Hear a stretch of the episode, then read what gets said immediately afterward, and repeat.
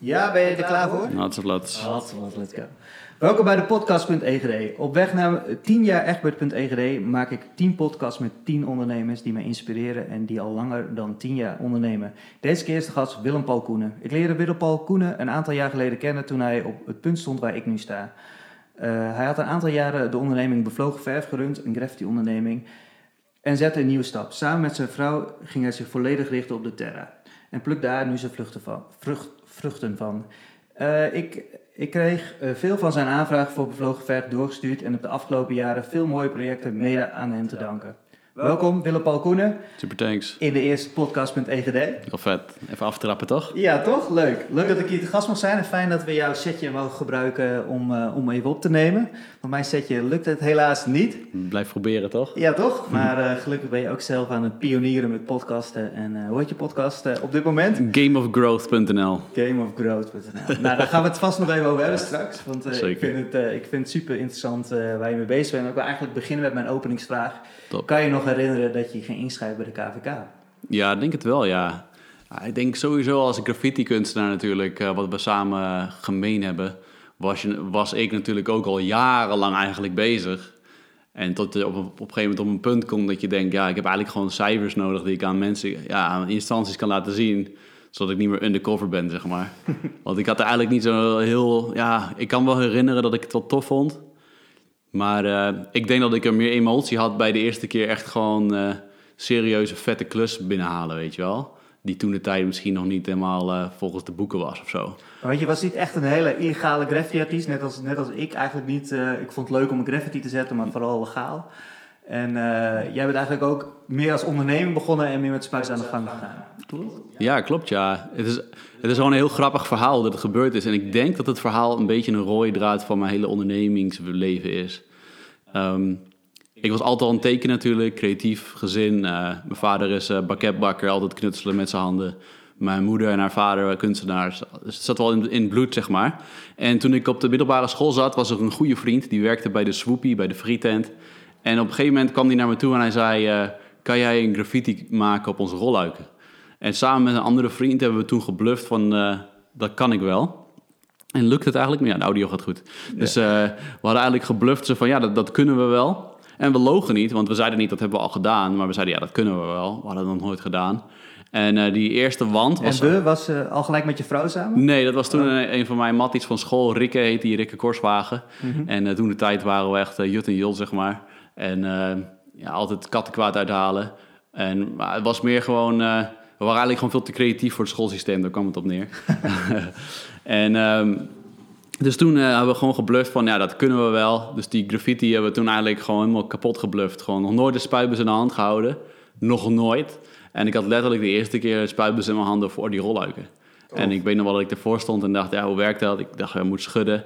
En de eerste paar lijnen die ik zette, ging het helemaal lekker. dacht ik, okay, dit is echt uh, issues, dit, was, uh, dit is in interessant. Maar toen kwam ik erachter dat ik heel makkelijk met een andere spuitbus er weer overheen kon toen werd ik ontspannen. Toen dacht ik, oké, nou ja, fouten kan je makkelijk herstellen. Dus laten we gewoon plezier hebben.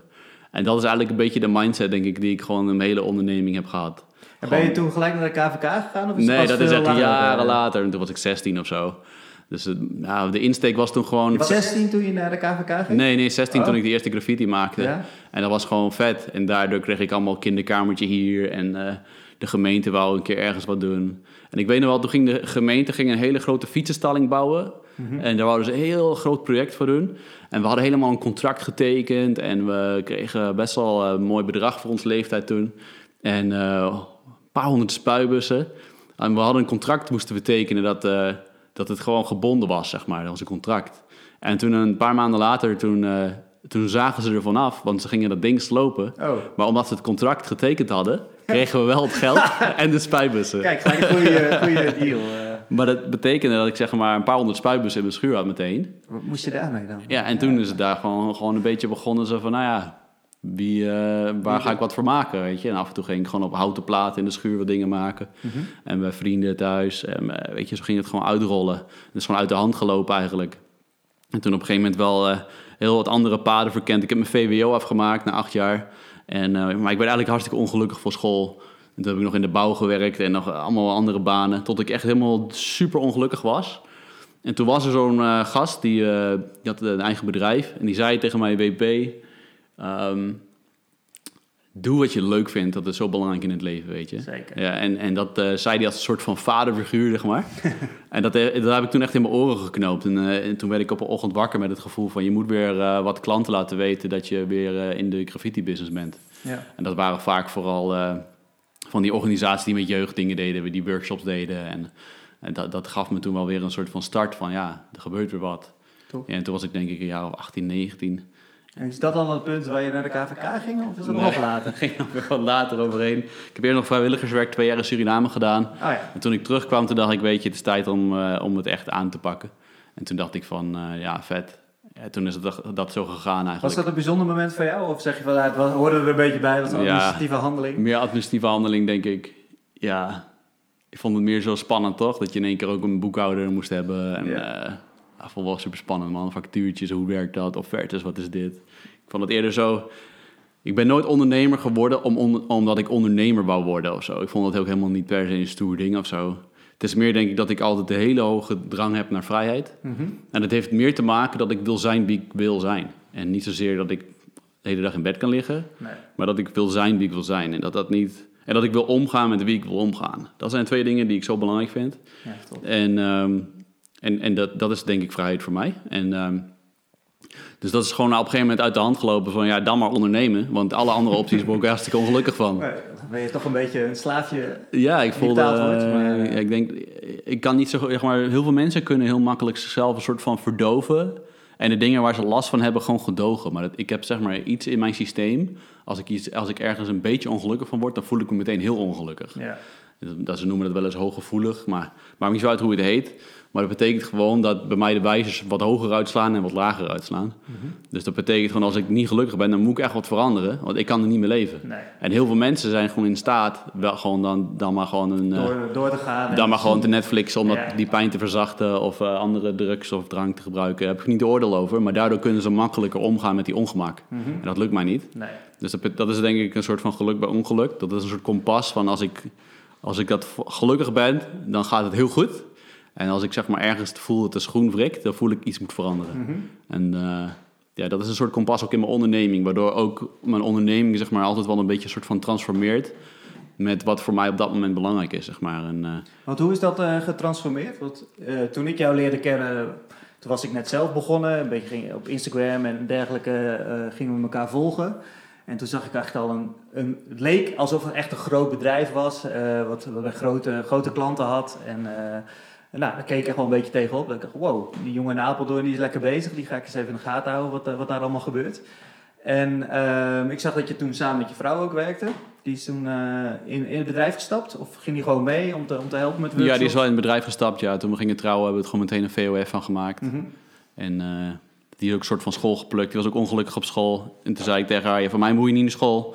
Dus je moet kiezen. Of je moet een reden vinden waarom je school leuk gaat vinden. Of je moet stoppen en iets voor jezelf gaan doen. Ja. Dus dat was makkelijk voor haar. Maar ik denk dat de transformatie is vooral voor mij geweest dat ik eerst echt een soloman was. Ik was eerst echt een man die gewoon... Ik zeg altijd meer een soort van... eh, net zoals Jack- Captain Jack Sparrow, weet je. Ik, zo voelde ik me altijd. Zo helemaal me against the world. Ik was alleen. Ik had helemaal niemand nodig. Ik was onafhankelijk van iedereen. We horen de kat, kattenbelletje achtergrond. Ik was helemaal onafhankelijk. En dat was voor mij heel lang heel belangrijk. Om te bewijzen aan de wereld dat ik het kon, weet je wel. Ja. En eh, ik, dat liedje van Kraantje Papi, van wat nou als het lukt, zeg maar. Ik weet niet eens of de titel zo heet. ja, maar het is Dat, wat, herkenbaar wat, liedje. wat nou als het lukt, mama, zeg maar. Ja. Dat eh, is echt zo'n ding wat voor mij denk ik altijd mijn drive geweest is. Eh, dus toen ik zeg maar eh, na mijn school niet ging studeren, iedereen verklaarde me hartstikke voor gek. En iedereen zei, ja, wat nou als het faalt? Niemand heeft ooit met graffiti geld kunnen verdienen. Dat bestaat helemaal niet. En Jij was het leven erbij dat het kon, ook voor mij toen. Ja, Dat maar- van, kijk, het kan wel, weet je. Oh, dat is wel vet, dat ja. Wel, dat, ja, ik kan me nog wel herinneren. Dat ik dacht van, ah, als hij het kan. Oh ja, vet. Ja, dat is wel iets wat me dreef, denk ik ook wel. Van, ja, maar wat nou als het wel lukt? Ja. En eh, dat je je ver- dat je je verbeeldingsvermogen gebruikt. Niet om te focussen op wat nou als ik faal, maar dat je je vermogen verbruikt en wat nou als het lukt. Wat gaat dat dan veranderen in mijn leven? En dat, als dat je elke ochtend wakker maakt van wat nou als het wel lukt, man? Wat, dan, wat gaat er dan veranderen? Wat betekent dat dan voor mijn leven, weet je? En dat gaf me elke keer wel die vibe, die energie als je ook wel eens tegenslagen had. Want dan krijg je altijd een stomme stemmetje in je kop, toch? Die dan gaat zeggen van ja, maar eh, misschien al die gasten hebben misschien wel gelijk dat het helemaal niet kan. Ja. En dan moet je jezelf weer, maar wat als het wel lukt, weet je? En dat is denk ik wel een drijfveer. Dus dat is die transformatie een beetje geweest, denk ik. Van eerst heel erg, heel erg gedreven door te bewijzen aan de wereld dat het wel kon. Misschien wel ook aan mijn ouders, misschien wel aan vrienden die gingen studeren. En dat is zeg maar, ik weet niet. Ik denk dat het, dat het wel een beetje een schaduwbewijsdrang is. Ja. Het is niet altijd alleen maar gedreven voor jezelf, maar het is ook een beetje een soort van boos, toch? Een soort van boos van, ja, met de grote middelvinger, een soort van, ik zal jullie allemaal wel eens laten zien, weet je wel. Zo is het ooit begonnen, denk ik, weet je wel. Zo van, vandaar, dat was de eerste vonk, denk ik, om het gewoon te laten zien, zeg maar. En dat is wel getransformeerd, dat je op een gegeven moment voelt, dit eh, verlangen is voldaan. Ik heb het bewezen, dat is voldaan. En ik zeg altijd, dan krijg je een soort why-crisis, toch? Dat je een Ja. soort crisis krijgt van, ja, waar ik het voor deed, dat dit, die honger is er niet meer. Ik hoef me niet meer te bewijzen. Ja, maar wat dan wel? Weet je? En dan heb je een tijdje een soort van crisis van... Ja, wa- wat wil ik nu, man? En dan, moet je ook, dan vind ik bij mezelf altijd wel... dan ben ik oké om de vorm, hoe het eruit ziet... dat het oké is dat dat ook mag veranderen. En dan merk je vaak wel weerstand dat mensen daar nerveus van worden. Want mensen hebben uiteindelijk... hebben ze je eindelijk in een hokje kunnen plaatsen. Weet je? Dat is hem. Ja, hij is een kunstenaar. Ja, precies. Dat vinden mensen altijd wel spannend, toch? Van dan zit je in zo'n verjaardag, zo'n kringetje. Daar heb ik al best wel hekel wat aan. doe jij? Eh. Wat doe jij eigenlijk? En dan denk ik, ja, wat voor antwoord zou ik nou eens geven? Ja, dat, dat is super lastig. Ja, daar, nu ben ik ook heel nieuwsgierig. Maar ik wil nog even naar, naar die naam, Bevlogen Verf. Ik vond dat eh, een goed gekozen naam. Dat past ook heel erg bij jou. Kan je, eh, hoe, hoe ben je daarbij gekomen? En vroeger waren er best wel hardcore graffiti-gasten hier in Apeldoorn. Jeroen Ponstein heet hij. En hij had een website die heette vervlucht.tk. Dat vond ik zo vet dat het een Nederlandse naam had. En eh, dat ik dacht, ik wil een naam die mijn oma ook gewoon kan onthouden en snappen, weet je. Ja. En eh, heel veel van die graffiti-namen toen der tijd waren allemaal van die hele flashy, stoere Amerikaanse, ja, een beetje neger namen. of gewoon te vaag, dat ze Ja, nooit ja. kunnen onthouden, weet je. En ik had daar niks mee. Weet je. Het, was, het is niet geboren uit een straatbehoefte om een, om een tagnaam te hebben, dat was het niet. Maar daar had ik gewoon niet zoveel mee. Nee, maar het paste en goed bij je stijl, want je hebt een hele bevlogen stijl ook. Mhm. Eh, heb je je website nog online? Ja, bevlogenverf.nl, ja, Ja, voor- als mensen het willen kijken, eh, bekijk het zeker. Hij heeft hele flowende lijnen en heel veel kleur. En Mhm. eh, de naam past daar heel goed bij. Maar daarnaast ben je ook een hele bevlogen persoon. Thanks, Toen ik jou de eerste keer ontmoette, eh, kan ik me dat nog zo herinneren. Ja, die naam die klopt gewoon aan alle kanten. Cool. En ehm, ook de, de workshops die je gaf, eh, nou ja, filmpjes. eh, je was altijd heel, al heel vroeg heel actief met social media. En, en dat deed je allemaal op een hele bevlogen manier. En daarom vond ik dat ook heel erg, eh, heel erg passen bij, bij alles wat je doet. En, Thanks, thanks. ja, vlak hiervoor heb je nog de podcast, ook, ook dat woordje bevlogen weer in, in terug laten komen. Dus eh, ik, vind het, ik vind het mooi hoe dat een leidraad door jouw leven heeft. eh. Ja, ja. En hoe ben je nou uiteindelijk opgekomen dan? Je Ik kan me herinneren dat ik echt allemaal Nederlandse woorden gewoon ging schrijven. Dat ik ergens gewoon eh, allemaal Nederlandse woorden onder elkaar ging schrijven van wat, ik, wat te maken had met vliegende verf. Weet je, dat ik dacht, wat heeft allemaal te maken met verf die vliegt? En dan ging ik gewoon allemaal woorden opschrijven. Toen dacht ik, Hoezo verf die vliegt dan? ja, weet je, zo'n was- spuitbusverf, toch? Oh, die vliegt omdat uit die spuitbus, toch? Ja, precies. ja, precies. Ik dacht, ja, dat vind ik vet. Gewoon, dat is beeldend, toch? En toen, eh toen in één keer bevlogen ver, weet ik nog dat ik aan mijn ouders liet zien. Wat vind je hiervan dan? Ja, dat is wel zo'n vette naam. Ja, dat is het, man. Maar het is ook gewoon de kunst. Zijn je ouders ook ondernemers geweest? Nee, helemaal niet, man. Echt, Komt niet eh, uit de ondernemersgezin? Nee, of, eh, helemaal niet. Nee, echt helemaal Dus niet. wat nee. vonden die ervan dan? Eh, ja. Dat jarenlang denk ik dat ze wel zweten handjes hebben gehad, denk ik. Hoe gaat, gaat het ooit goed komen? Ja, ja, ja. Die, eh, Nou, het is allemaal goed gekomen. Ja, precies. Ja, dus- Maar het is gewoon mooi, weet je. En, maar dat is ook wel met mijn kunst, denk ik. Dat ik op, toen heel jong al besloot van... ik wil dat mensen blij worden van mijn kunst. Weet je, die vraag ging ik heel jong al stellen. Van ja, heel veel graffiti kunst toen der tijd. Kijk, nu heb je heel veel vette street art. Mhm. Overal op social media zie je het. Maar toen niet, man. Toen was gewoon graffiti, was gewoon Letters. letters, agressief, Ja. territorium afbakenen. Kijk hoe cool ik ben. Dat was eigenlijk wat graffiti was toen. Ja, namaken voor jezelf. Ook heel erg. Namaken, eigenlijk, ja, ik zei je altijd een beetje... reclame maken voor jezelf. Ik zei altijd een beetje cru, zeg maar, hondjes die zeg maar, plassen tegen een muur om te laten zien, hier was ik, zeg maar. En ik was, helemaal niet daartegen, maar ik werd er gewoon niet warm van. Mhm. Het is niet iets waar ik excited door werd. Dus is, sommige mensen, eh, ik heb best wel toen ik begon heel veel eh, weerstand gehad vanuit die hoek. Die maar alleen maar probeerde ja, zwart te maken, heel veel Er was heel veel weerstand uit die illegale graffiti-hoek. Ja, dat die vonden mij ook. echt een supersukkel, zeg maar. En dat lieten ze op alle manieren die maar konden, lieten ze dat weten. Maar ook omdat je via e-mails, via WhatsApp. mee bezig Ja. dan had ik ook in het begin heel Was ik gewoon een sletje of zo? dat Of, mensen eh, steeds hadden, ja, is niet, is niet gemaakt om geld mee te verdienen of zo. En Nee. inmiddels is dat, is dat 180 graden. Of gewoon, ja, ja, jij bent geen graffiti. En dan dacht ik echt, ja, maar wat is eigenlijk graffiti dan? Weet je, weet ik veel. Ik had gewoon niet zoveel met de vraag, ik moet ergens bij passen nu, want ik ben graffiti, weet je. En dat had ik zeg maar heel jong al, dat ik dacht van, waarom moet ik nu ergens inpassen? Dan? Dus, ik snap dat niet. En het is gewoon een fijn materiaal waar ik mee kon werken. Ik vond het vet, ik voelde me er heel vrij in. Dus dat is ook hoe Bevlogen Verf denk ik geboren is. Zo van, ik wil dat mensen blij worden door mijn kunst. Dat ze gewoon erdoor geïnspireerd worden. En ik denk dat dat is, dat is nooit veranderd, zeg maar. Dat is gewoon juist steeds meer dat ik erdoor had, hoe kan ik in mijn website ook laten zien dat dit is wie ik ben? Hoe kan ik op social media uitstralen dat, dat dit, is, dit is wie ik ben? Dat ik gewoon steeds meer leerde, hoe kan ik uitstralen ook wat voor klant ik wil aantrekken? En dan, dat is wat ik wou, gewoon heel duidelijk ook afstoten wie ik niet wil hebben. Nee. Dus hoe duidelijker je communiceert Duidelijke wie je bent. bepalen. Ja, precies. En mijn doelgroep was niet zozeer, ja, wat voor soort, wat, ja, was niet zozeer wat voor soort bedrijven per se, maar meer wat voor type mens. Ja, wie wel, wie niet Ja, eigenlijk. ja, precies. Ja. Nou, Op een gegeven moment ging het ook wel een beetje naar van wat voor klanten wil ik aantrekken. Ik werd wel echt serieus veel blijer van bedrijven mhm. die niet hun eigen geld uitgaven. Ja, want de particulieren die hun paar honderd euro uitgeven, die zijn vaak veel meer kritisch. gedoe gewoon, weet je. En vaak weten ze ook niet wat ze willen. Dus het is vaak veel meer dat je denkt, oh, hoop gedoe. Terwijl als je met de marketing director van een bedrijf spreekt, die, hebben gewoon, die, die geven je gewoon een e-mailtje. Dit is wat we nodig hebben. Dit moet er in elk geval Dit in. moet er zijn. En de rest mag je zelf Ja, de rest mag je vrijheid ja. hebben. En in die duidelijkheid voel ik veel meer vrijheid dan dat iemand allemaal vaag loopt te doen. Ja. Dat is helemaal geen vrijheid. Nee. Dus zeg maar, ehm, ja, dus op een gegeven moment wist ik wel, oké, ik wil eigenlijk marketingmensen hebben. Ik wil eigenlijk de, de mensen die verantwoordelijk zijn voor marketing, PR. Dus dat heb ik, daar, daarvoor heb ik dingen gedaan voor Adidas, voor Volvo, voor, eh, voor, allemaal, voor eh, Amerikaanse ambassade. Dus heel veel mensen, die, of de interieurdesigner, weet je wel. Of iemand die verantwoordelijk is voor het interieurdesign van een bedrijf. Of die gewoon zeggen, dit is ons potje geld, het is niet hun geld. Boom, dit is wat we willen. En dan mag gewoon iets vets maken. Ja. Dus dat was wel zeg maar, aan, zeg maar, aan het einde van mijn carrière. Want Hoe lang heb je het gedaan? Hoe lang heb je de graffiti-onderneming gehad? Nou, zeker wel een jaar 15, denk ik. Ja. Ja. Ja. dus op een gegeven moment was dat wel helder voor de bril. Maar ik merkte zeg maar, in die transformatie dat ik... Ja, Na, na, na het nieuwe bedoel je? Ja, naar het Waar nieuwe, nu- waar zeg je nu- maar. Waar je nu zit? ja, daar is nog gewoon een tussenfase in geweest. Maar op een gegeven moment ging ik meer houden van het menselijke aspect. Ja. Dus ik werd eigenlijk meer warm van de gesprekken die ik had met de opdrachtgevers en de juiste vragen te stellen. Waardoor en ik erachter kwam wat ze dachten in hun kop. En dat ik een hele goede klik met ze had, waardoor ik wist, zij willen zaken met me doen. En dat hele spelletje begon ik heel leuk te vinden om, Ja. om, om met die interactie bezig te zijn.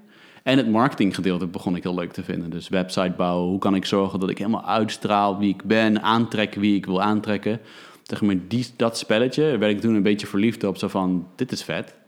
En eigenlijk het graffiti gedeelte dacht ik op een gegeven moment van, done that, weet je. Ik werd er niet meer zo, het was niet meer zo'n challenge. Het was niet meer iets waarvan ik dacht, oeh, gaat me wel lukken. Ik wist gewoon, het gaat me lukken. Dus het kriebelde niet meer zo. Nee. Ja, dus dan is het, ja, ik heb altijd wel nodig dat iets me kriebelt van, dat ik niet zo goed weet of het wel echt gaat lukken. Maar wel gewoon bluff, het gaat me lukken. En dat, dat geeft me dan een soort spanning, toch? Ja. Want op een gegeven moment eh, ehm, was je dus 15 jaar bezig. Je had echt een mooi bedrijf staan. Mhm. Eh, samen met je bedrijf was je daar druk mee bezig. En je bedrijf was ondertussen bezig met de doTERRA. Mhm. eh, dat opzetten. En toen kregen wij ook een beetje contact rond Mhm. die tijd. En eh, ben je bij mij langs geweest en eh, gaf je aan van... Nou ja, ik ga, we gaan ons met z'n tweeën nu veel meer richten op het, het doTERRA verhaal. Kan je wat vertellen over die periode? Hoe, hoe, hoe dat voor jou was? Want Ja, ik zeker. zit eigenlijk ook een beetje in zo'n periode op dit moment. Ik heb nu tien jaar eh Mhm. een bedrijf gehad. En eh, op dit moment switch ik naar een, eh, naar een bedrijf samen met mijn vrouw. Dus ik ben heel nieuwsgierig hoe, hoe, dat, bij jou, hoe, hoe dat bij jou ging. Ja, ik denk. Ik heb eerst daarvoor nog een hele lange een tijd, drie jaar lang, een soort NLP coachingopleiding gevolgd. Omdat ik wou beter worden in alle interactie met mensen en mezelf, mijn eigen gedachten meer snappen. Waardoor was dat een online cursus? Of was Eh, het nee, dat is echt, eh, echt een cursus Ja. met mensen. Ja, dus gewoon ging gewoon elke week heen. En dat vond ik gewoon super vet. Een groep, eh, Ja, groepsles groep met acht mensen of zo. En ja, het is neurolinguistisch programmeren, heet dat, NLP. Dus het heeft heel veel met mindset te maken.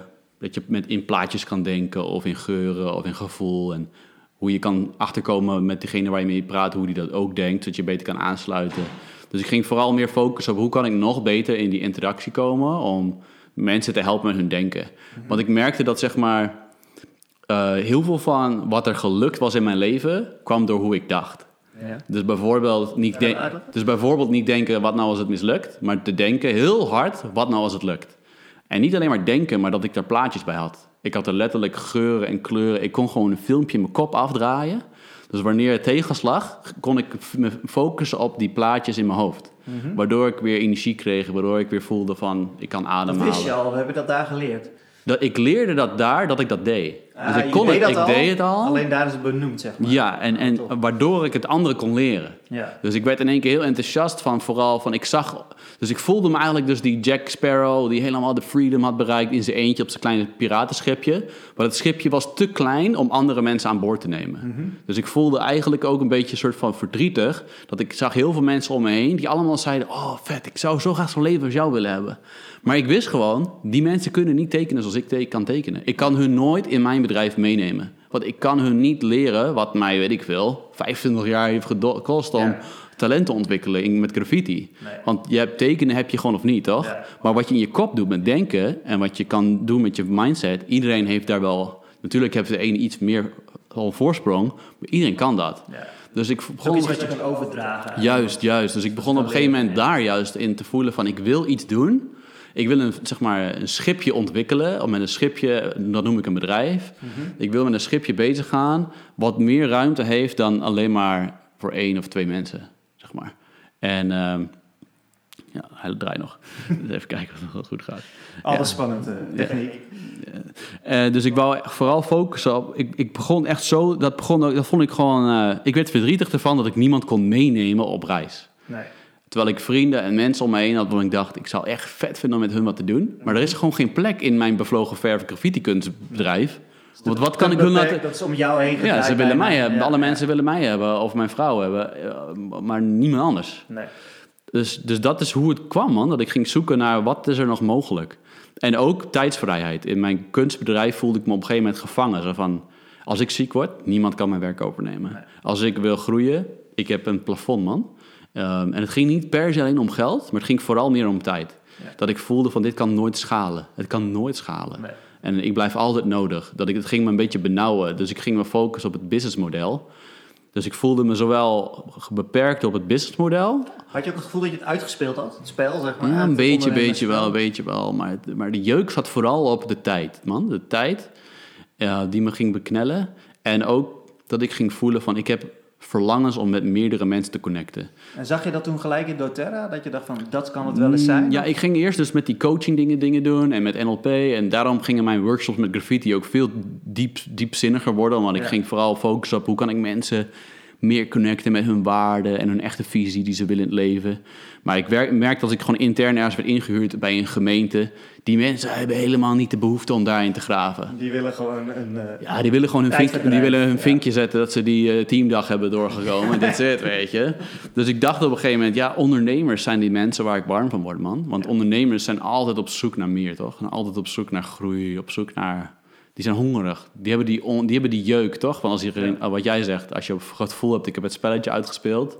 Mensen die bij een gemeente werken, die hebben vaak niet echt Die jeuk eraan, man. spel niet eens. Die vinden het fijn om dat uitgespeeld te hebben, want dat geeft rust, toch? Ja, nee, ik, ik Dat denk, geeft ik rust denk dat ze niet eens... eh, het spel niet kennen. Nee, niet eens maar het maar het, feit, het feit dat ze elke dag hetzelfde doen, vinden ze oké. Daar Ja. heb je daar oké mee. maar. Terwijl ondernemers kunnen dat niet. Die worden dan onrustig. En die hebben dan het gevoel, iets is stuk. Ik ben niet meer heel. Het moet iets veranderen. Ja, maar ook als dit Ja. het spel heb uitgespeeld, wil ik een nieuw spel. Er moet iets nieuws. Ja, ik heb nieuwe prikkels nodig. Ja, dat is, ja. Oh, het spel is bijna klaar, ik moet een nieuw spel ja, ja, die onrust, toch? Ja. Die onrust, ja. Die En dat is oké, zeg maar. En dus, dus door die, door die coaching training werd ik ook bewuster van dat mensen hebben echt andere waarden. Dus in het begin dacht ik eerst, iedereen moet net zo worden als ik. Want dat geeft geluk. Maar ik kwam op, door die opleiding dus achter van... Sommige mensen hebben dus hele andere behoeftes, hele andere waarden, hele andere denkpatronen. En die zijn juist heel vet, super blij om bij zo'n gemeente gewoon lekker daar te zijn. Mhm. Dus op een gegeven moment ging mijn jeuk om iedereen te gaan veranderen om me heen, stopte. En ik ging meer denken, maar welke mensen hebben al een vuurtje in zich?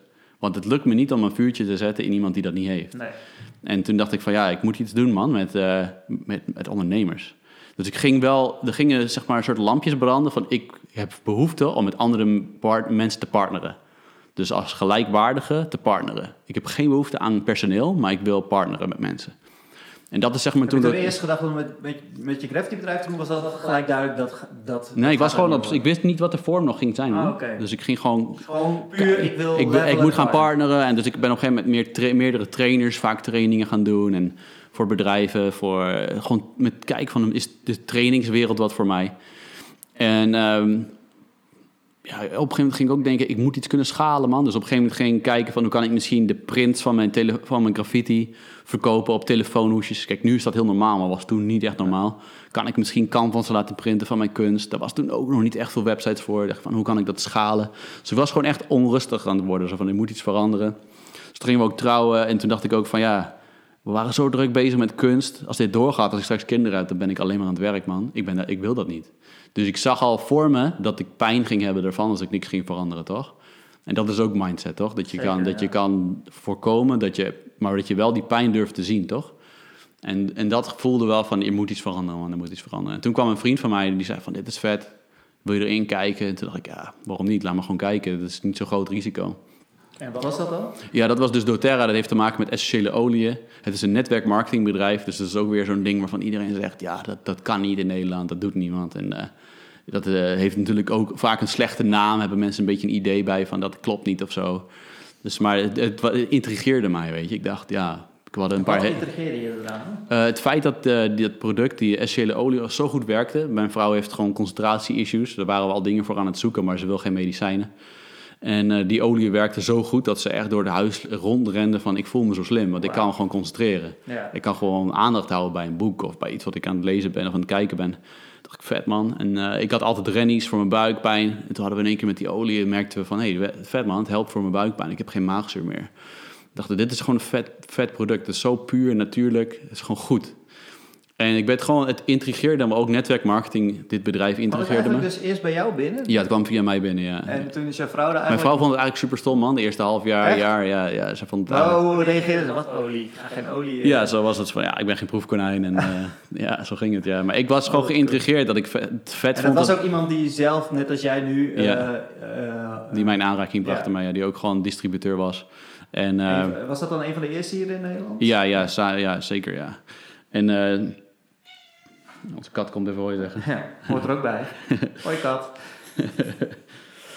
En, ehm, ja, dus het, en, en het intrigeerde me ook dat het een bedrijf was waarvan ik zag, dit is oneindig schaalbaar. En, en vrijheid kan je hiermee hebben. En je kan met mensen partneren zonder dat je ze op de payroll hoeft te zetten of zonder dat je ze in dienst hoeft te nemen. Maar je kan zeg maar als vrienden naast elkaar staan en met elkaar een droom bereiken. En dat gaf me eigenlijk weer zo'n nieuwe wat nou als het lukt gevoel, toch? Dus dat was al heel jong. Precies op het goede moment? precies op het goede moment, ja. Dat ik echt dacht, dit past gewoon in mijn wat nou als het lukt. Van wat nou als het lukt om hiermee iets te doen... dan die wat nou als het lukt, die ziet er zo mooi uit aan het einde van die ladder, zeg maar. Mhm. dat, dat je gewoon voelt van, ja, dit is een... eh, Ik had gewoon, ik had net zo'n boek gelezen van Stephen Covey. Dat, iedereen heeft het boek bijna wel gehoord of gelezen. Die Seven Habits of Highly Effective People. Het is, is het best verkochte managementboek wat er bestaat. En hij zegt in dat boek van... Het is zo belangrijk om de ladder tegen de juiste muur te hebben voordat je gaat klimmen. En de meeste mensen zijn alleen maar gefocust om bovenaan die ladder te komen. En ze hebben eigenlijk niet door dat hij tegen de verkeerde muur staat. Dus die komen, als ze 50 zijn, daarachter dat ze bovenin die ladder van hun carrière zijn gekomen. Maar dat aan het eind van die ladder het niet geeft wat ze hadden gehoopt. Namelijk, als je aan het eind van de ladder van een corporatie of een gemeente zit, ben je flipping druk. En je hebt geen tijdvrijheid, misschien geld, maar je bent helemaal opgeslokt. En misschien ben je, is het helemaal geen voldoening wat je daar vindt. Maar dan heb je wel daar 30 jaar op ingezet, toch? Dus ik was heel op zoek naar van ik moet de juiste muur hebben, man. En ik was erachter. En graffiti is niet mijn muur waar ik helemaal bovenaan moet staan. Want als ik super, als ik super beroemd ben. Dat is een flipping gouden kooi die je hebt gebouwd. Want je Mhm. verdient wel geld, maar je kan nooit aan anderen dat laten doen wat jij doet. Dus ik dacht gewoon, ik, vind het, ik blijf altijd wel van mijn kunst houden. Dat moet er altijd wel uit. Maar wat is er dan zo belangrijk dat er aan het eind van die muur staat? Dat je gewoon vrijheid hebt? Ja, voor mij, ja, dat, dat, ik was er dus in die coachingopleiding achter gekomen dat vrijheid een van mijn belangrijkste waarden is. En, vrijheid, de kat gaat tegen die microfoon aanwrijven. Ik ga even de microfoon aanpakken. Hij wil ook even mee je podcast. Ja, dat is niet zozeer vrijheid om te slapen de dag, maar vooral vrijheid om te bepalen wat ik belangrijk vind in mijn leven en dat ik daar invulling aan kan geven. Wat het ook mag zijn. En dat verandert per elk jaar, weet je. En ehm, dat in ieder geval dat kan, weet je. En, en ja, dat is, vond ik zo belangrijk. En ik wist gewoon dat op heel veel manieren, heel veel soorten carrières, je dat niet gaat krijgen. Want aan het einde van die ladder ben je gewoon gevangen in een systeem. Ja. Dus ik was echt op zoek naar een systeem en een model. En dat klinkt vet, niet sexy. Maar, een, maar een businessmodel kwam ik gewoon achter van het businessmodel waar jij je kapstok aan ophangt, zeg maar, of jouw, jouw jas aan ophangt, jouw bedrijf aan ophangt. Dat maakt gewoon uit. Ja. Als dat model gewoon niet klopt, dan kan je werken wat je wil, maar je bouwt gewoon niet de vrijheid. Dan word je eigenlijk een ratje in een bieletje wat heel hard rent. En dan werk je alleen maar heel hard in je bedrijf, maar nooit aan je bedrijf. Dus ik was gewoon heel jong daar al bewust van, ik moet zorgen dat ik eigenlijk net zo hard aan mijn bedrijf kan werken als in mijn bedrijf kan werken. En daar moet ik vrijheid voor creëren, zeg maar.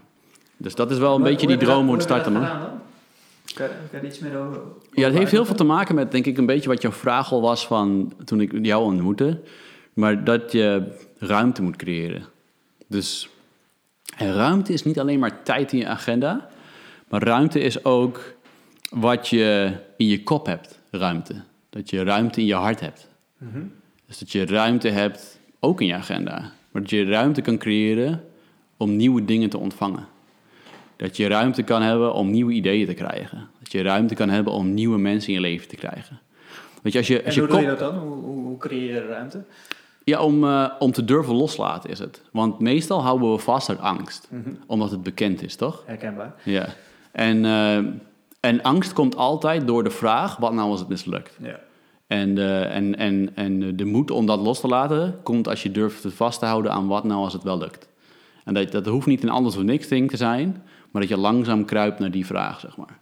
Want je kan niet in allebei die werelden leven. Of je leeft helemaal in die ene, of helemaal in die andere.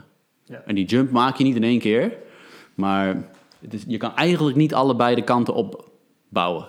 Kan eigenlijk niet. Nee. Dus je bouwt of naar heel erg zekerheid, of je laat die zekerheid, die schijn, een beetje schijnzekerheid, weet je, los. En je durft te dromen, zeg maar. En dat is zeg maar hoe wat voor mij al, dat ik dacht van ja. En dat blijft natuurlijk altijd een op- en neerbeweging, dat je soms het gewoon beter lukt dan andere keren, Ik toch? wou net zeggen, kan, ik kan me niet voorstellen dat het makkelijk was geweest om een bedrijf dat je 15 jaar hebt opgebouwd. Mhm. Om dan nog eens te zeggen, ja, ik kap ermee, ik ga me nu hier volledig op focussen en eh, ik geloof dat het gaat lukken. Ja, ik denk dat het voor mij had geholpen dat ik tijdens die coachingopleiding eh, heel veel geleerd heb over wat een blauwdruk betekent. En de blauwdruk heeft te maken met wat jij als persoon belangrijk in het leven vindt. En ook wat je als persoon belangrijk vindt in werk. Dus ik had eigenlijk in mijn blauwdruk, was ik erachter gekomen, welke elementen moet ik hebben in werk om mij gelukkig te voelen in werk. En toevallig vond ik al die elementen in mijn graffiti carrière. Ja. Maar dat betekende dus dat ik hoef niet graffiti-kunstenaar te zijn om gelukkig te zijn. Ik moet zorgen dat die elementen in mijn leven zijn. En de vorm boeit geen de bal. Dus, het, dus dat, de- dat maakte het makkelijker voor mij om de vorm waar het in moest zitten, om dat te durven loslaten. Dat, is, dat hoeft. het- is- want dan anders dan denk je van ja, maar kunstenaar zijn maakt mij blij. Ja. Maar dat is gewoon BS. Want dat is. Want je identiteit hoort, is niet per se wie jij als werk bent. Dat is niet wie jij bent. Maar dat is een label waar mensen je in proberen te prakken om je Ja. te kunnen begrijpen, toch? Van, dat is het. Ja, jij bent Ja. dit, weet je, wat ik al zei. Op zo'n verjaardag, dat mensen heel nerveus worden als ze je niet in zo'n hokje kunnen stoppen. Van ja, hij is de kunstenaar, hij is ondernemer. Maar ja, als ze dat niet hebben, worden mensen een beetje nerveuzig, zeg maar. Snap ze dat niet? Ja, en, maar dat kunnen we ook over onszelf hebben. Dat we denken van, ik moet ergens inhoren, anders dan ben ik niemand. Nee. Maar door die opleiding kwam, werd ik daar los van. Zo van, wacht even, maar als die elementen erin zitten, dan ben ik gelukkig. Dus het hoeft niet per se een vorm te hebben waar ik altijd dacht dat het hoorde te zijn, toch? Dus ik durfde wel langzaam een beetje die vorm los te laten en te ontdekken van, maar wat is eigenlijk de vorm waar, wat nu beter bij me past? Dat ik dat ook durfde te laten transformeren, weet je? Dus denk ik, ja. Want anders dan worden we te veel verblind door de vorm. Door hoe het eruit ziet wat we doen. Ja. Of waar de anderen vinden dat we in horen te zijn. En je krijgt wel tegenwerking, weet je. Want toen wij steeds meer gingen inzetten op die andere onderneming... gingen mensen echt zo zeggen, maar je bent toch gewoon... Je bent toch kunstenaar? Hoe, dat eh, hoe zit dat? ja. Wat, eh, je Je, bent hoort toch... toch in dat vakje? Ja, precies, Waarom, van, waarom eh, ga je niet opeens in een ander? Ja, eh, mensen echt zo bijna... Je probeert bijna agressief te van worden... dat je zomaar hun idee over jou in de war brengt. En hoe, hoe, hoe is dat om met je vrouw te ondernemen? Want dat ga ik nu ook doen. Ja. En, ehm, ehm, ik, ja, ik, merk dat, dat het spannend is. Je, je, je, je privérelatie wordt ook een zakelijke relatie. Eh, Jij deed dat al, al, al geruime tijd. Maar Mhm. ehm, ja, nu zeker. Volgens mij zijn jullie bijna echt een team die Mm. met z'n tweeën ehm, dat, dat keihard aan het doen zijn. Mm. Of hebben gedaan. Zijn Ja. je nog steeds druk ermee eigenlijk? Ja, zeker, ja. ja toch? Ja, ik denk dat het is een dansman. Want de ene keer gaat het makkelijker dan de andere keer. Ja. En ehm, Wat is Ja. de gouden tip? Dansen. Op dansles? Of, eh, haha. Blijven ontwikkelen, denk ik. Dat je allebei ontwikkelt op waar je op dat moment wel in dat bedrijf voelt dat je het meest thuis bent. Dus dat het oké is dat je anders bent. mhm. En dat je oké bent om te groeien in iets waar je misschien de partner waar je die business ook mee hebt, misschien op een ander vlak groeit, zeg maar. Maar dat je wel blijft ontwikkelen. Want anders ga je te, te veel op de ander leunen of te veel aanpassen aan een ander. En dan word je niet gelukkig. Nee. En dat is zeg maar een beetje zoeken van, ja, de ene keer, ja, dat is gewoon een dansman. Maar dat het ook zeg maar eigenlijk wel mag knetteren, zeg maar. Dat, je, dat het oké is, dat als het zakelijk gaat, dat het gewoon echt super oké is om echt niet met elkaar eens te zijn. Nee. En dat is natuurlijk privé, als je gewoon op de bank zit en over bepaalde privé dingen, is het soms misschien beter om wel gewoon concessies te doen, toch? Om te denken, weet je, boeien, dit vindt mijn vrouw echt super belangrijk, laat me maar niet moeilijk doen of zo. Maar als je zakelijk dat doet, dan kan het zijn dat je je talenten achterhoudt als je dat altijd doet. Dus op zakelijk vlak is het oké om gewoon hard oneens te zijn. En dat je, dat, is, dat moet je een beetje leren schakelen. Want dat, dat, dat je even een andere, letterlijk andere, pet op, dat je letterlijk eh, andere pet op kan doen. Dat je gewoon, dat het oké is om, ja, dat het echt juist goed is. Dat je juist elkaar wil uitlokken juist. Want ik durf veel harder mijn scherpe, misschien een beetje ongepolijste mening tegen Loes te zeggen, tegen mijn vrouw te zeggen. Omdat ik weet dat zij hem kan nuanceren, zeg maar. Mhm. Dus daardoor durf ik veel harder in soms een hele strategische, scherpe, zakelijke kant die ik kan hebben te, te zijn. Omdat ik weet dat zij heeft de zachtheid om hem menselijk te houden. Maar daardoor durf ik in dat talent waar ik heel goed in kan. Ik kan echt zo'n super game mind hebben die helemaal op de strategie en de regels en het spelletje winnen mindset hebben. Maar ik durf me daaraan over te geven omdat ik weet dat zij heeft talenten die mij kunnen balanceren. Terwijl als ik dat ga inhouden omdat ik weet dat is niet hoe zij is, dan hou je elkaar allebei heel erg gemiddeld. Ja. Terwijl het is juist goed als je elkaar allebei in je extreme kracht kan zetten. En dan, hou je, dan ben je veel sterker. En dat is wel anders als je met elkaar samen onderneemt dan als je samen gewoon leeft. ja. Want ja, dus dat Of is dat wel. je allebei apart van elkaar Of allebei aan, apart aan het ondernemen bent, ja. Dus het is wel vet, man. Het is eh, denk ik groei, denk ik. Ja. Ik denk dat het wel een van de vetste manieren is, juist om je huwelijk of je relatie. Eh, en of je relatie, zeg maar, te, te, te, te- uit te dagen en te groeien, man. Ja, zeker. Ja, het schuurt wel harder. Dus je kan ook makkelijker achterkomen van... hé, wacht, wat zijn de knopjes van mijn partner? Wat zijn mijn knopjes? Mhm. Je wordt wel geconfronteerd harder met je eigen zwakheden, denk ik. En die van je partner. Ja? Ja, want je gaat natuurlijk wel harder gewoon tegen elkaar schaduwknopjes drukken, zeg maar. Dus soms is het ook oké om dan coaching te zoeken als je merkt van, wacht even, ik eh, word echt helemaal annoyed van iets. Dat je dan denkt, misschien moet ik gewoon even coaching zoeken. Ja, coaching is gewoon een fancy naam voor therapie, weet Ja. je. Maar gewoon, het boeit ook geen bal wat, wat het nou is. Maar dat hebben wij wel vaak gedaan. Dat we wel eh, Ook zakelijk? Of is het dan... Ja, het is dan privé en zakelijk, zakelijk, ja, eh, precies. Dat je soms ook, we hebben ook wel eens eh, therapie gehad als partner, als koppel, weet je. Of eh, dat je denkt van, wacht even, we hebben misschien wel even wat nodig om wat meer met, met elkaars kanten om te kunnen gaan. Ja, Oh, de de kleine komt weer thuis. ja, precies. Dan moet je over een ander onderwerp praten. ik ga even kijken. Eh, wat is je ultieme doel? Ik denk groei, man. Groei vind ik zo belangrijk. Ik word van groei echt gelukkig. Ik denk daarom onze nieuwe podcast, die we Game of Growth hebben genoemd, dat heeft ook wel daarmee te maken. Dus het heeft te maken met elke keer op zoek zijn naar jezelf opnieuw uitvinden. Dus eh, het, het oké zijn om elke keer de vorm te kunnen laten transformeren, wat het ook is, zeg maar. En eh, dat, dat te doen, maar wel verankerd te zijn. Dus dat betekent niet dat je een of andere superwazige wappie hippie bent die elke keer een ander vaag leven gaat hebben.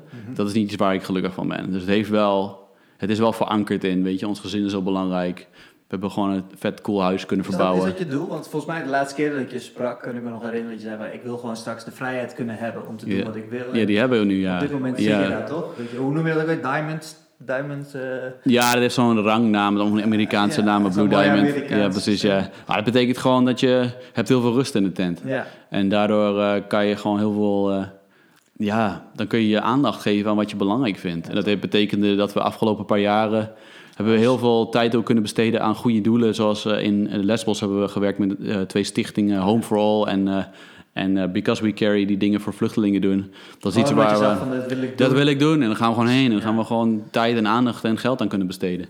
En dat is iets wat ons heel erg uh, uh, raakt. En dat is echt niet alleen maar leuk. Maar dat is waar we wel voelden van... dit is wat ik nu voel, wat ik wil doen. En dat is wel mooi van het doTERRA-systeem. Ja. Dat, dat, je, dat je die keuze dan... Op een gegeven moment krijg je heel veel tijdsvrijheid en geldvrij, geldvrijheid. Ja. En daardoor aandachtvrijheid, toch? Ja. Maar het is wel oké om weer elke keer een why-crisis te hebben. Want op een gegeven moment heb je dus gehaald wat je al heel hard naar werkte. Ja. En dan denk ik, ja, wat is eigenlijk next, weet je? En next is niet gewoon altijd. Een Y-crisis bedoel je gewoon van en nu dan? Ja, uh, een Y-crisis voor mij betekent dat je hebt gehaald wat je heel hard voor ogen had. Mm -hmm. En dat je dat in één keer hebt. Ja. En dat je dan denkt, uh, en, nu? Ik, en nu, zeg maar. En niet zozeer en nu als in leegte. Het geeft wel leegte. En niet zozeer vanuit ongeluk, maar meer gewoon dat, dat vuurtje wat je heel erg gedreven heeft om al die lastige dingen te overwinnen. En één keer is het daar. Er is geen ultiem doel. Dus er is niet even een ultiem doel. En dat mag weer... Als je daar bent, dan heb je toch weer iets, iets anders. Ja, niet zozeer vanuit leegte, nee. maar meer vanuit dat je... Ik, ik, ik, geloof heel erg dat je verschillende cyclus gewoon als mens doormaakt om te groeien. Mm -hmm. En voor mij betekent ondernemen is voor mij een soort katalysator om persoonlijk te groeien. En uh, zo zie ik dat, zeg maar. En dus alles wat mij kan helpen daarin, dat word ik gewoon blij van. Dat is niet altijd prettig, maar het is wel vet. En um, een van mijn doelen heeft heel veel te maken met andere mensen daar ook elke keer in te kunnen faciliteren of helpen. En het helpt me heel erg om ook open te zijn soms over dingen waar je zelf doorheen gaat. Ja. Dus zeg maar, ja, ultieme doel, ik weet niet. Op dit moment hebben we niet heel scherp een soort concreet ding. Maar het, het heeft wel mee te maken dat onze onderneming met doTERRA, we zijn wel bezig met gewoon, het doel wat je daar had, dat heb je gehaald, toch? Ja, en het blijft wel weer elke keer doorgroeien. Ja. Want het heeft, we hebben wel weer het gevoel van... Hey, we hebben weer ruimte om met nieuwe mensen te werken. Welke toffe nieuwe mensen die nu op ons pad gaan komen... willen we ook helpen dit te bereiken, wat ja. wij hebben gehaald. En uh, dus dat is omdat je voelt van dit is gewoon vet. Dit kan mensen echt helpen. En dit is nog kan nog oneindig doorgroeien. Dus, uh, en dan ben je weer op zoek naar hoe mag het eruit zien. Dus we hebben afgelopen jaar hebben helemaal niks gedaan met onze onderneming. Zijn we alleen maar bezig geweest een huis te verbouwen en een baby te krijgen. Prachtig huis trouwens. Ja, het is echt vet geworden, dus uh, thanks. Maar dat is zeg maar, ja... Dus we, we zijn helemaal uit geweest en nu om een maand of vier, vijf zijn we weer in. En uh, ja, ik voel me weer alsof ik weer opnieuw start, man. Helemaal is, dat dan, is dat dan makkelijk om weer, weer te beginnen nadat je zo'n lange periode er even tussenuit bent geweest? Zo, het is niet makkelijk om weer te doen zoals je het altijd gedaan hebt, want ik herinner me niet meer. Ik ben nee. gewoon bouwvakker geweest een jaar. En, uh, maar het is wel weer exciting om te kijken, maar hoe wil ik dat het er weer mag uitzien? En dus die vorm loslaten, zodat het oké okay is, dat het er weer anders mag uitzien zoals ik altijd gedaan heb. Ja. Dus wij voelden op een gegeven moment, ja, maar we moeten podcast gaan doen. Dit is ja. hoe we voelen dat we onze stem willen laten horen. Hoe kwam je erbij om, bij, om een podcast te gaan ja, doen? Ik heb geen idee. Ik hou altijd van audioboeken en alles. En, okay. Luister je zelf ook veel podcasts? Ja, wel podcasts, ja. Uh, Thijs Lindhout vind ik vet. Uh, School of Greatness vind ik vet. Joe Rogan vind ik vet. Er zijn best wel veel toffe. Dus eigenlijk behoorlijk veel Engels, eerlijk gezegd. Mm -hmm. Maar... Um, en audioboeken. Ik ben echt verslaafd aan audioboeken. Dus ik, ben, ik hou altijd van... Tijdens die verbouwing liep ik altijd met de koptelefoon op. Noise cancellation op. Gewoon door het huis heen uh, audioboeken luisteren. Ja, dus, dus dat is echt een ding hoe ik leer. En waar ik, wat ik blij van word. En dus nu zijn we ook weer gaan kijken van... En nu hebben we af en toe bij ons thuis... We hebben wel gewoon een paar ruimtes waar het kan dat we gewoon mensen van ons team uitnodigen. En dan hebben we gewoon een teamdag bij ons thuis. En dat doen we al, hebben we al een stuk of vijf, zes keer gedaan. Dus we laten we ook weer transformeren van hoe mag het eruit zien? Wat past? We hebben nu een kleintje van een half jaar. Uh, hoe mag het eruit zien? En hoe past het bij ons leven? Is je leven er veel door veranderd? Sinds het kleiner er is? Ja, dat is wel bizar, ja. Oh, wel super vet. Geef je ook weer een nieuwe why, toch? Van waarom ja, doe ik dit allemaal? En, uh, maar ook, zeg maar, één ding wat ik altijd belangrijk heb gevonden de afgelopen jaren... is nog belangrijker nu dan ooit. En dat is, zeg maar, bepaal eerst de lifestyle die je belangrijk vindt en bouw je carrière daaromheen. En uh, doordat ik die kiddo in ons leven heb, is het zo belangrijk om met hem te zijn. Ja. En ik word daar zo gelukkig van. Dus dat is nummer één. Ja, precies. En, en daar moet mijn carrière omheen passen. Ja. En uh, dus ik, uh, ik, maak niet echt veel concessies, man, als het gaat om die kleine. Nee. Dus, ehm, en dat is natuurlijk nu makkelijk, we kunnen hem overal meenemen. Maar straks gaat hij ook zijn hobby's hebben en weet ik veel wat. Moet maar, gaat discussiëren. Ja, moet ik ook nog maar allemaal uitvinden hoe dat werkt. Dat klinkt misschien, dan, misschien ben ik dan wel heel blij om af en toe te zeggen... nee, papa kan niet, gaat naar werk. Dat is misschien ook wel lekker. Maar dit is voor nu in ieder geval. En um, dus heel vaak in onze carrière, in onze business... vragen mensen wel eens van... ja, ja doen jullie dit dan fulltime, zeg maar? En dan eh, zeg ik altijd eigenlijk een soort glimlachend van... ja, als ik zou willen, zou ik het fulltime kunnen. Ja. Eh, en eigenlijk doe ik fulltime leven en parttime doTERRA, parttime werk. En dat is eigenlijk eh, wat wij altijd voor ogen hadden ook. Dat je een soort inkomstenstroom op gang hebt. eh, een soort dat je business rolt buiten jezelf ook. Zodat je fulltime kan leven. En wat dat ook voor jou mag betekenen. Maar een, een leven vol leven, wat voor jou als leven voelt. En dat jouw carrière daarin verweven is, weet je wel. Ja. En dat betekent niet altijd dat het alleen maar een half uur per dag is. Soms ben je wel gewoon dagenlange, maar als het voelt van het klopt nu. Weet je, vorig jaar waren we, vorige week waren we een aantal dagen in Londen, hadden we gewoon die kleine mee. Maar dan ben je gewoon van ochtends tot 's avonds laat bezig. Ja. Maar dat klopt of zo. Ja. En ehm, dus, dus, dus dat betekent het gewoon dat, het- dat het voor onszelf gewoon zoeken is van ja, wat is het leven wat voor ons klopt, zeg maar. En pak je nog wel eens een spuitbus op? Ja, zeker. Ja. Ik had laatst, eh, was, eh, was eh, natuurlijk de WK vrouwen waren in de finale. En dat vond ik gewoon vet om iets voor te maken. Dus dat Ja, ik, je hebt ook bij de heren gedaan, toch? Ja, ja, was tien jaar geleden was het volgens mij. was het voor de Spanje-Nederland toen de finale volgens mij. Zo'n. Dat is een grote boel en een grote lion had ik gemaakt. Ja, dat was vet. Ja, top. Dus dit was dezelfde muur. Dus nu had ik zo'n leeuw en een arend van Amerika natuurlijk gemaakt. Ja. Maar is gewoon vanuit, omdat het vet is. Dus ik pak wel de kers uit de taart van de, de opdrachten van ik voel. Ja, dit is, het moet altijd wel voldoen aan een paar, paar, een paar pilaren die ik belangrijk vind. Weet je. je moet een leuke uitdaging hebben. Mensen moeten me gewoon eh, oké geld betalen. En ik moet leuke opdrachtgevers vinden. Als dat klopt, dan vind ik het tof. Weet je, als het niet klopt, dan, eh, ja, dan hoeft het nu niet. Maar creativiteit kan je ook op heel veel andere vlakken kwijt, toch? Ik bedoel, als je, om, wat jullie nu ook doen met je bedrijf... dan kan je allemaal creativiteit in kwijt... maar heeft niks met spuitbus te maken. Nee. Dus eh, in onze verbouwing met ons huis, daar kon ik al mijn creativiteit kwijt. Ik heb het gezien. Ja, ja en dat, is soms, dat geeft ook vet cool, eh, dat je nieuwe skills leert van met een timmerman meelopen en zo en alles. Dus ja, creativiteit heeft niet per se een vorm waar die in hoort, weet je. Nee. En dat is denk ik wel een beetje in die graffiti scene soms. Als je daar echt in zit, dan is het, ah, moet, je moet helemaal trouw zijn aan de material, toch? En als je één ding doet met een marker of met een stift of met een kwast, dan ben je in één keer niet meer echt of zo. Dan ben je een toy, weet ik veel wat. Gelukkig is dat wel een beetje veranderd. Is iets veranderd wel, ja, ja, ja. Dat was wel erg, toch? Ja, dat was toen wel inderdaad. Ja, of net zoals wat jij met chamblonen, dat mocht dan, dat kon echt niet gewoon. Nee, nee, absoluut. absoluut waar. Ehm, kan je nog een eh, goede tip geven om eh, eh, na tien jaar on- ondernemen te blijven ontwikkelen? Eigenlijk heb je dat al een beetje gedaan, hè? Heb je dat al aangegeven? Ja, ik denk heel veel de tips zitten erin dat ze vooral in je, in je schaduw, dus in jouw, eh, in schaduw vind je nieuw licht, man. Dus je moet chaos kunnen, chaos mag er zijn, maar schaduw mag er ook zijn, want daar vind je het nieuwe licht. Ja. Dus dat je oké bent om af en toe gewoon even vet te balen of een soort depressiviteit te voelen over wat je aan het doen bent. Want als je dat kan toestaan, kan je vanuit daar ook weer voelen wat je wel wil. Ja. En heel veel mensen blijven zich verzetten tegen dat gevoel. Wat, zo van, ja, maar ik heb toch gewoon leuk werk. Hoezo? Ik mag hier helemaal niet van balen. Want weet je wat voor vet werk ik heb? Ja. Maar je mag er wel flipping van balen. Want als het op dat moment niet meer bij jouw waarde past... of je hebt gewoon echt een te veel verlangen naar groei... dan mag je gewoon even een soort depressie voelen over wat je doet. En dat bedoel ik niet een klinische depressie... Nee. maar gewoon dat je voelt van ik baal gewoon. Dat het oké is om gewoon even flipping hard te balen van iets. Want van daaruit krijg je ook het verlangen om verandering te gaan doen. Ja. En heel veel mensen in Nederland hebben zoiets van... ja, we mogen niet klagen... maar daardoor mogen ze van zichzelf eigenlijk ook niet balen... En niet En, daar, veranderen. niet, en niet veranderen. En dan moet hun leven blijven zoals het altijd al is. Ja. Want ze hebben toch niks te klagen. Maar je hebt niks met anderen te maken. Je hoeft niet te vergelijken met waarom jouw leven wel of niet beter dan anderen is. Het is jouw reis, Je toch? kan het ook niet vergelijken, volgens mij. Nee, het is gewoon nee, iets wat je bij jezelf zelf speelt. En, Maar het is cultuur, toch? Het is onze Ja. Nederlandse cultuur een beetje. Dat we dan vergelijken van, ja, weet je, anderen hebben het veel slechter. Ik mag niet klagen. Ik, ik echt... eh, voor mij mag je wel klagen, hoor. Als jij gewoon baalt van iets, moet je het veranderen, toch? Ja, dan moet je, eh, moet je actie ondernemen. Ja. Ja, wat, wat ik vooral heel erg van je, van je meepik is van het loslaten en Mhm. eh, nieuwe, nieuwe, nieuwe dingen, ruimte voor nieuwe dingen Mhm. maken. En eh, ja, dat, eh, ja, dat vond ik verbazingwekkend toen je dat toen deed. Toen kon ik er echt niet met mijn hoofd bij. En nu zit ik op dat punt en denk ik, ja, dat is super belangrijk om dat te doen. Om gewoon een, een nieuwe stap te zetten, daar heb je ruimte voor nodig. Ja, precies. Ik denk voor sommigen die dit, dit luisteren niet snappen wat je precies naar refereert. Is, toen zaten we op een punt in onze business, dus waren we al twee of drie jaar met doTERRA bezig. En ik voelde dat ik bleef vasthouden aan die graffiti-klussen. Ook een beetje uit angst. Zo van, ja, maar dit is zeker toch? Dit geeft me gewoon een inkomstenstroom. Ik ken dit heel goed. Het is heel bekend voor me. Maar op een gegeven moment leerde ik gewoon eh, van een mentor ook van... maar echt loslaten is echt loslaten. En loslaten zorgt ervoor dat je een nieuwe ruimte krijgt. En ruimte betekent in het Engels noemen ze dat een void. Maar een void of een leegte, een ruimte betekent dat kan alleen maar zijn als het echt leeg is. En dan kan er iets nieuw naar je toe komen.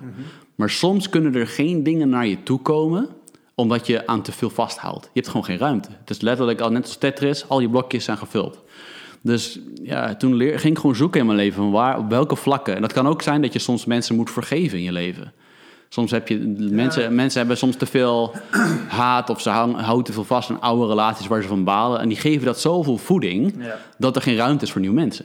Maar het kan ook zijn dat je. Ja, die podcast moet je zeker luisteren. Hebben jullie ook een podcast over Ja, ja, ja, ja. dat was eh, inspirerend. Volgens mij gaat hij over de, die Tibetaanse monnik, zeg maar. Dat je niet kan vergeven als Tibetaanse monnik. hè. Maar het heeft ook mee te maken van... Misschien heb je relaties in je leven die oké zijn. Het hoeft niet per se je partner te zijn, maar het kan soms ook je partner zijn. Waarvan je voelt, ik hou vast omdat het bekend is. Maar eigenlijk klopt het niet meer, man. En het kan ook vriendschappen zijn soms. Betekent niet dat je die vrienden moet appen van ik hoef je nooit meer te zien. Maar soms betekent gewoon het iets minder energie geven, al dat het uit je leven gaat, toch? Maar het betekent op heel veel vlakken dat het oké is om dingen los te laten. En dat was toen ook dat ik voelde van ik moet die graffiti-klussen loslaten. Maar er was zo'n stemmetje in mijn kop die zei van ja, maar je kan er altijd nog tu- tussen blijven zitten, man. Je kan er gewoon 10, 20% op vragen, dat is helemaal niet raar of zo. Maar toen voelde ik zo van maar loslaten betekent dat ik alles loslaat. Dat ik niet meer tussen zit. Dus toen dacht ik van ja, maar weggeven kan ik alleen als ik het weggeef met liefde.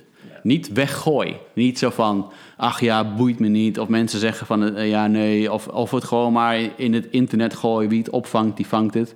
Ik wou het weggeven aan iemand die ik voelde, ja, die wil ik het aan geven. En toen kwam ik jou tegen en toen dacht ik van, laat me gewoon kijken, man, of het goed voelt.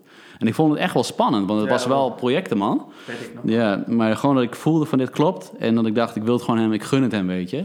Tof. En niet zozeer gunnen omdat ik voelde me beter, maar meer van ik voelde van ja, maar die, hier ga jij wat moois mee kunnen doen. Dit kan jij ook gebruiken nu. En ik voelde gewoon van, jij, omdat- gaat het ook met waardevol, je gaat het gewoon met aandacht doen, weet je wel. En het is gek om dat soort klussen naar je toegespeeld te krijgen. En dat je echt eh, bijna met jam dat aanneemt.